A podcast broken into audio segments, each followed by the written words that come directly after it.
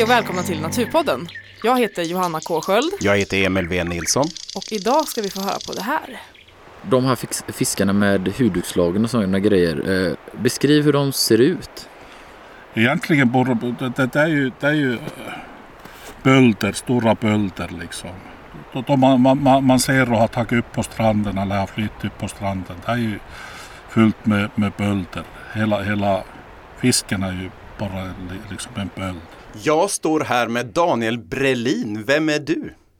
Ja, jag jobbar på Länsstyrelsen i Uppsala som länsfiskekonsulent. Ja. Eh, och det betyder att jag har liksom ett övergripande ansvar för sakområdet fisk. Ja. Och du har en bakgrund som är lite mer specifik mot laxfiskar. Är ja, det så? Ja, det stämmer bra. Jag har disputerat då på Öringa på Uppsala universitet tidigare. Ja.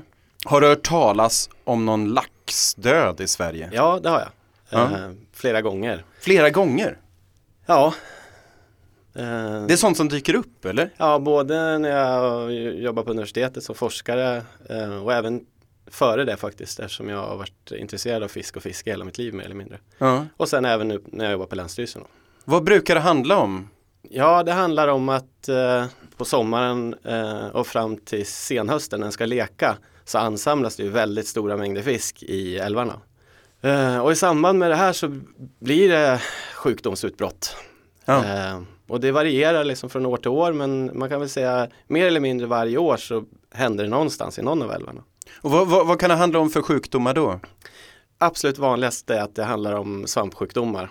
Ja. Och den, det är ju mer, jag ser det som mer som ett symptom helt enkelt på att fisken har haft det tufft. Vi ska få höra på ett reportage från eh, Norrbottens län om någonting med laxen. Hmm. Laxen kom tillbaka till älvarna, men den dör. Under sommaren 2014 och 2015 så har det rådit en mystisk laxdöd i de norrländska älvarna. Umeälven, Kalixälven och Torneälven är främst drabbade. Men orsaken till laxdöden är ännu oklar och det oroar många längs älvarna. Bland annat fiskarna Leif Tavola och Ture Peurovara. De ruttnar levande.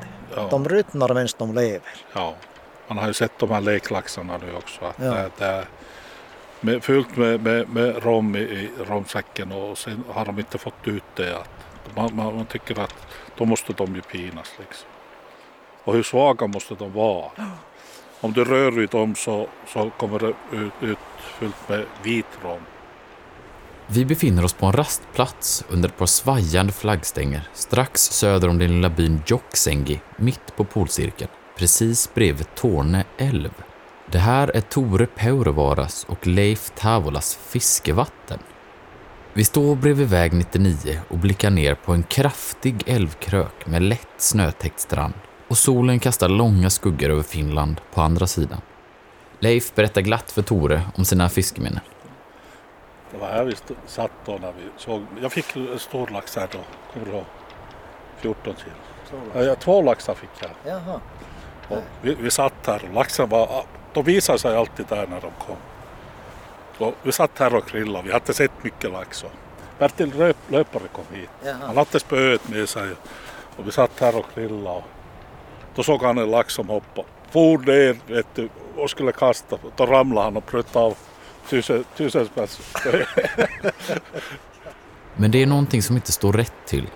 Det har kommit in rapporter om död och sjuk lax med konstiga stora sår på kroppen. I fjol hittade vi döda laxar. Det var, det var ju i, i Pello vi hittade höstlaxarna, döda laxarna.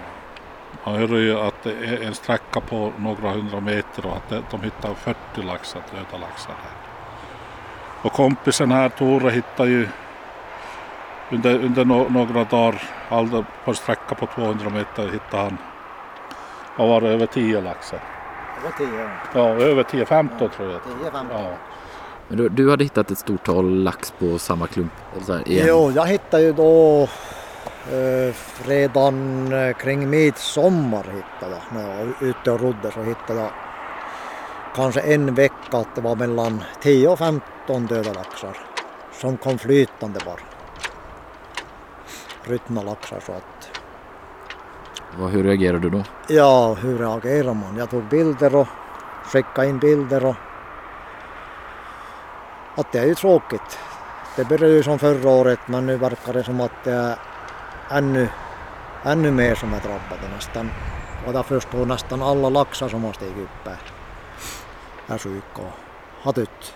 De här fiskarna med hudutslagen och sådana grejer, eh, beskriv hur de ser ut. Egentligen borde det, det, är ju, det är ju eh, bölder, stora bölder liksom. De man, man, man ser och har tagit upp på stranden eller har flyttat upp på stranden. Det är ju fullt med, med bölder. Hela, hela fisken är ju bara liksom en böld. Hur luktar de? De luktar nog inte gott. Jag, jag, sa just det där att det var tur att det var en kall sommar och, och badstränderna inte var så, så välbesökta. Att, att det, det, det, det, är ju egentligen en, en, en sanitär olägenhet också att ha så mycket laxar, döda laxar efter älven. Det, det, det har varit en bra sommar på det viset för korpar och kråkor och kungsörnarna. Att de har fått mycket mat men att den lukten vi har fått känna att det, det, det har inte varit roligt. Det är naturligt att en del lax dör på hösten efter att den har lekt. Men Tore tror att den här döden är något annat. Det som de säger nu Länsstyrelsen att eh, det här med leken att det är naturligt att det dör lax. Det håller jag inte alls med om för att 96 och 97 då steg det upp enorma mängder upp lax i, i, i älven här och, och jag hittade inte en endaste död lax och ingen skadad lax. Det var alldeles blanka och fina laxar så att det måste vara någonting annat. Det är en helt annan historia nu. Det är helt annat det här, ja. De laxarna som man fick kring midsommar, det var ju, jag fick fem laxar och fyra av dem var, de var blodiga. Det var skrapsår och det var, ja det var blod kring eh, stjärtfenan och det kunde, det var blodiga, det var så skadade laxar redan då. Och sen när inget hände från, från, eh, från myndighetshåll, att vi har blivit liksom tagna lite att, ja, att det inte är så mycket, mycket som vi påstår men att, men att framtiden får ju visa att, hur det blir. Leif bestämmer sig för att ta oss hem till honom för att visa dokumentationer på död fisk. Du har bilder. Ja, ja. Jag har ju skickat dig. Ja, men, men, men, men den här som jag fick, fick från Finland, den här buk... buk. Ja, döda lax, ja. ja. Leif tar fram bilder på den sjuka laxen. Det ser ut som att fisken har kraftiga brännskador och att huden ska falla av. Det är oklart vad orsaken till laxdöden är, men Länsstyrelsen tog prover i år och förra året på lax som de skickade ner till Statens veterinärmedicinska anstalt, SVA. Det visade inte några bakteriella eller virussjukdomar. Men däremot så visade några av årets prover på en sjukdom vid namn UDN. UDN, eller ulceröl dermal nekros, är en hudsjukdom man vet förvånansvärt lite om. Man vet inte var den kommer ifrån, om det är ett virus eller en bakterie, eller hur dödlig den är. Det man vet är att den ger upphov till otäcka sår på fiskens hud som sedan blir svampinfekterade och att friska fiskar som lever tillsammans med UDN-fiskar blir sjuka. UDN rapporterades för första gången på de brittiska öarna för nästan 150 år sedan och rapporterades i Sverige på 70-talet. Om sjukdomen har funnits bland oss så länge så kan man undra varför det har gjorts så lite forskning på sjukdomen. Men SVA har inget riktigt bra svar på den frågan. Om man tar sig cirka 20 mil söderut och byter miljö från älv till trottoar så kan man hitta Länsstyrelsens kontor i Luleå. Hallå, hallå, hej! Uh, jag söker uh, Stefan Stridsman. Ja. Här sitter Stefan Stridsman, fiskeribiolog och insatt i UDN-frågan. Hur, hur allvarligt är det? Otroligt svårt att säga hur, hur allvarligt det är för att eh, vi vet ju inte hur stor dödlighet vi har haft på fisken. De, de är påverkade utav UDN men det är inte säkert att fisken dör bara för att den har UDN. Den kan eh, klara av en reproduktion om den inte har för kraftig påverkan. Då. Oroar du dig för det här utbrottet? Ja, visst kan det vara i vissa vattendrag eh, som har lite svagare bestånd. Där kan det ju få en eh, negativ effekt. Men i våra eh, starka älvar såsom eh, Tornälven och Kalixälven eh, så, så eh, tror vi inte att det här utbrottet kommer att påverka mm, reproduktionen i någon större omfattning. De brukar hitta död lax så här års och då brukar det röra sig om 2 till 3 men i år har de hittat upp mot alltså, 20-30 stycken. Vissa påstår att de eh, upp, hittat 40 stycken under en, sträck, under en veckas tid. Vad, vad tror du det kan bero på? En bidragande orsak till det, det är ju att vi har haft eh, väldigt mycket lax som har gått upp i älvarna, speciellt i fjol och eh, även i år jämfört med de tidigare åren. Eh, och, och andelsmässigt så blir det ju fler individer som man upptäcker. Då. Men för de pratade nämligen om att åren 1996 och 1997 så ska det gått upp riktigt mycket fisk i Torneälven. Och att det inte alls var samma sorts laxdöd. Inget alls sånt. Vad, vad tror du det beror på? Ja, väldigt, väldigt svårt att säga.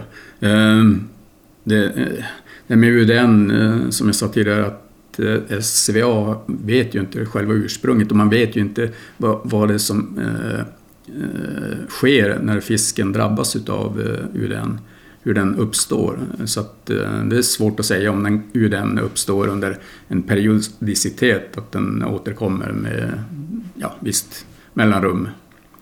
Eh, Så att det kan ha varit en period eh, där man inte haft utbrott av UDN och därigenom så, så drabbas inte fisken. Det är en helt annan stämning på Länsstyrelsen angående laxdöden än den som råder nere vid älven. De kan känna att de vill ha ett större pådrag angående eh, älven eh, och UDN-utbrotten från Länsstyrelsens håll och eh, de känner sig nästan lite negligerade, att de kanske inte blir trodda när de säger att här bråkar helvetet lös nästan fiskväg. Vad, vad har du att säga angående det? Nej, men absolut, eh, det är jättebra att vi får in uppgifter om det förekommer någon form av eh, sjukdom på fisk. Eh, och sen måste man ju se till att man kan ta in prover på ett korrekt sätt. Och, för det är ingen idé att skicka in en död fisk till SVA, den går inte tyvärr att provta utan fisken måste vara i ett visst skick om man ska kunna analysera den. Ehm, men nu, nu kommer det ju att genomföras en, en provtagning nästa år och det är ju otroligt bra att eh, man gör en riktig ansträngning. Och inte bara i Tornälven utan man kommer att titta eh, på några vattendrag då i hela Östersjön. Det är många frågetecken kring denna sjukdom, men Stefan Stridsman är ganska lugn angående laxdöden. Trots det så är det svårt för Leif Tavla och Tore Paurovara att se ljuset nere vid älven. Jag har fiskat här, just här var vi står, det är mina hemmavatten och här har jag fått mina midsommarlaxar, sommarlaxar, sen 96. Det är en ganska stark relation till älven om andra ord. Ja, och det är inte roligt att se det vi har sett i de här två se- senaste somrarna. Man, ja, liksom kompisen Tor också här säger att man är ju nästan gråtfärdig när man ser, ser det här, vad som händer i älven. Nå, det är klart att det kommer ju att bli sämre och sämre som Leif sa. Att det kan dröja några år att det kanske kommer upp lax men när cirkeln är sluten om 6-7 år då, då vet väl ingen eh, hur många laxar som kommer upp. Om det är slut eller... Men det är bara att hoppas att forskarna får reda på vad det är och att man kan göra någonting åt det här.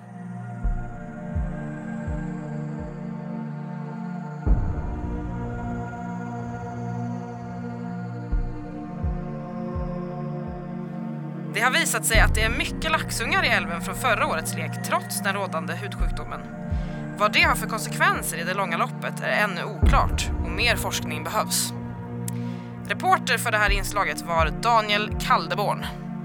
Och han har skickat in det här till oss och det är vi jätteglada för. Ja, så det uppmuntrar vi fler till att göra. Har ni några tips och idéer och inspelningar så får ni gärna höra av er till oss. Daniel Brelin. Jag jobbar på Länsstyrelsen i Uppsala som länsfiskekonsulent. Ja, har du hört talas om någonting specifikt uppifrån eh, Norrbotten kanske? Jo, det finns ju den här eh, en hudsjukdom då som heter UDN. Ja. Eh, och det skrevs det om i höstas då i, om att, hade, att de hade konstaterat det i Torneälven. Ja. Och vad, har man konstaterat det på många fiskar? Det här är ingen ny sjukdom alls Nej. utan den eh, den har ju, alltså man har ju, eh, det finns liksom litteraturkällor på eh, som är så gamla som liksom mitten av 1800-talet. Ja. Där, där den här sjukdomen beskrivs väldigt noggrant. Okej. Så det rör sig förmodligen om samma sjukdom. Ja. Eh, och den har ju, och det är inte bara specifikt för Sverige utan man hittar den i Finland också till exempel. Eh, men det som är lite, myst, den är lite mystisk den här sjukdomen för att eh, Varför, varför då? Jo, för att man eh, har i undersökningar, man har konstaterat att den är smittsam, Ja. men man har inte hittat någon patogen. Alltså, Okej, så man vet inte vad det är som bär sjukdomen? Nej, liksom. Om det är ett virus eller en bakterie eller en svamp eller? Exakt. Eh, mycket lutar väl åt att det är ett virus då, för Ja. det är svårast att upptäcka. Ja. Men eh, som sagt, vi vet att den är eh, eh, smittsam eh, och den eh, påverkar ju fisken då. Den får ju liksom stora liksom blaffor på huden kan man säga. Men det är lite svårt att säga liksom om den egentligen, om, om den också som de här svampsjukdomarna är ett symptom på att fisken har det tufft. Eh, eller om det eller hur man ska hantera den liksom. Men eller om det är början på något större utbrott? Ja, som, precis. För vi har, jag kan inte säga att vi har några dokumenterade liksom, epidemier av den här sjukdomen. Nej. Alltså, och egentligen så är det så att de här fiskarna då som eh, går upp i älvarna. Eh, nu antar jag att det här rörde som fisk före leken då, så då har de ju liksom inte bidragit till, till reproduktionen och så. Men ofta så ser vi de här sjukdomsutbrotten i ett senare skede, Mm. eh, när fisken redan har lekt. Ja. Och då, och då förstår jag förstår ju det, liksom att man kan uppleva det som väldigt otäckt om man Ja. kommer till en älv och man kanske har något favoritpromenadstråk där och så ligger det hundratals döda laxar där. Ja.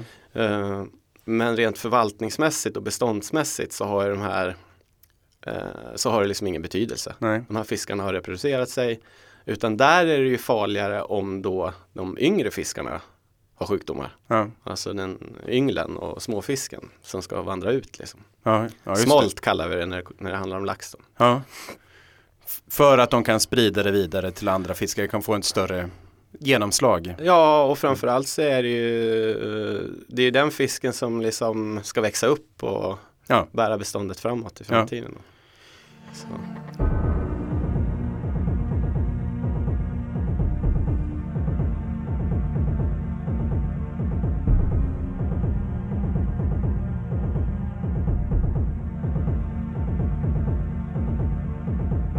Och i nästa avsnitt av Naturpodden kommer vi få höra om det här.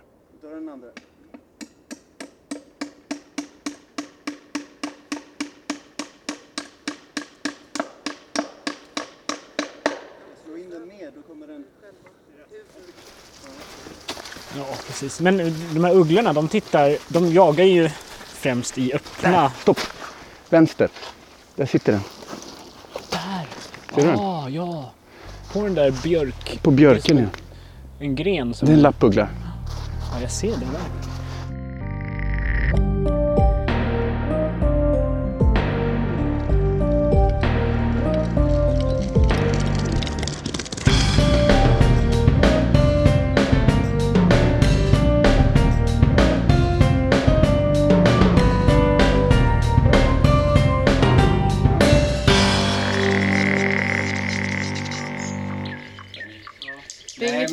Behöver... lite mer allmänt. Lite Ja, men jag, jag tänkte bara hur Ska man, ska säga, ska man säga något? Det var någon introduktion. till. Till er lilla frågestund. Din och lyssna på det. Ja, men jag har inte samma fil här nu. Den